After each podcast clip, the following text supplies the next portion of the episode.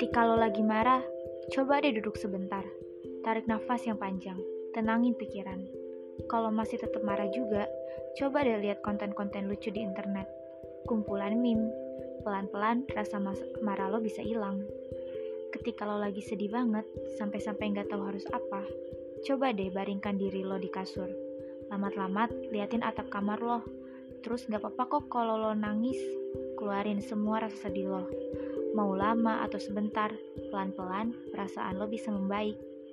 Dan ketika lo ngerasa capek dan sampai-sampai pengen nyerah, coba deh istirahat sebentar. Gak apa-apa ngeluh asal jangan kelewatan. Terus coba pikirin semua perjuangan lo selama ini. Apa gak sia-sia kalau lo nyerah sekarang? Hidup itu memang susah kok. Hidup itu memang tentang berjuang.